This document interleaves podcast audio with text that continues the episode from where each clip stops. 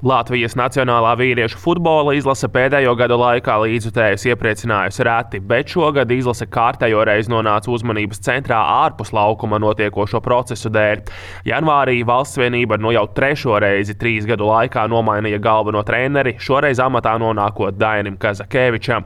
Viņš ilgstoši strādājis par federācijas sporta direktoru, pēdējo gadu laikā šo amatu apvienojot arī ar U21 izlases galvenā trenera pienākumiem. Iepriekšējā trenera atlaišana un Kazakēviča izvēlēšanās kārtējo reizi izraisīja lielu līdzutēju neizpratni, taču tāds bija federācijas vadības lēmums, un pats Kazakēvičs uzreiz pēc stāšanās amatā skaidroja, ka viņa līdzinējā pieredze trenera un funkcionāra amatā sniedz vairākas priekšrocības. Es domāju, ka šobrīd uh, drīzāk tā ir mana priekšrocība, ka es esmu strādājis pēdējos gados ar izlasi, jo šis darbs ļoti būtiski atšķirās no darba, kas ir kluba trenerim, kas man arī bija pārbaudījums pirmajā gadā strādāt ar U21 izlasi, jo tur ir pavisam citas pieejas, pavisam citi darbības mehānismi nekā tas ir kluba darbā. Visi ļoti koncentrēti, divu, trīs dienu laikā. Ļoti liels darbs ir starp nometnēm, komunikācijas darbs ar spēlētājiem, ar klubu treneriem, klubu vadītājiem. Un šajā ziņā man bija pilnīgi skaidrs, uz ko es eju, kāda ir šī darba specifika. Un es redzēju arī to, ka teiksim, man šajā ziņā varbūt prasīs mazliet mazāk laika nekā citam jaunam trenerim iet visos procesos, jo ar lielāko daļu spēlētāju esmu reāli strādājis. Un man principā ir skaidrs redzējums, kāds ir tas virziens, kurā no pirmās dienas, no kura, kurā es gribu iet. Pirmās ugunskristības ar nacionālo izlasi Kazakēvičam bija paredzētas martā, taču spēles tobrīd nācās atlikt pandēmijas dēļ. 2020. gadā Kazakēvičam un izlasēji bija viens lielais mērķis, proti uzvara UEFA Nāciju līgas turnīra D līgā. Lai cik slikts būtu bijis izlases sniegums pēdējos gados, uzvarēt grupā, kurā startē Fēru salas Andora un Malta, bija pašsaprotams uzdevums.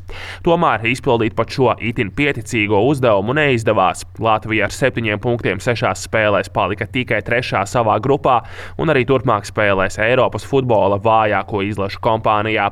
Par izlases sniegumu un saviem pieņemtajiem lēmumiem sastāvu izvēlē daudz kritikas saņēma arī Kazakēvičs, taču viens no Latvijas futbola labākajiem apskatniekiem Edmunds Novickis uzskata, ka pilnīgi visās neveiksmēs vainot galveno treneri nebūtu pareizi. Sausais atlikums, viena uzvara, viens zaudējums un pa vidu četri neizšķirti. Protams, ka tas ir ļoti vājš rezultāts spēlējot Eiropas, gribu teikt, tādas snieguma ziņā nabadzīgākajām izlasēm. Viena uzvara sešās spēlēs, tas neiztur nekādu kritiku. Tā pašā laikā es nenomestu visu vainu treneru, Dainu Kazakeviču. Neapgalvotu, ka viņš ir pie visa vainīgs. Noteikti, ka tu un visi lēmumi viņa izpildījumā bija pareizi un noteikti, ka var apšaubīt vairākas lietas, ko viņš savā darbā izmantoja. Vispār mēs varam globāli runāt par to, vai bija jāmaina iepriekš treneris, kurš jau bija iesācis savu ceļu, bet lielākā daļa vainas, teiksim, jāuzņemas vispār Latvijas futbola sistēmai. Līdz ar Kazakēviča ierašanos pie Nacionālās izlases stūres Latvijas sporta vārnīcā parādījās jauns termins, proti no matemātikas aizgūtais vektors. Šo terminu izlases galvenais treneris itin bieži pielietoja, lai apzīmētu atsevišķu spēlētāju vai visas komandas snieguma attīstības līkni un skaidrotu savus pieņemtos lēmumus.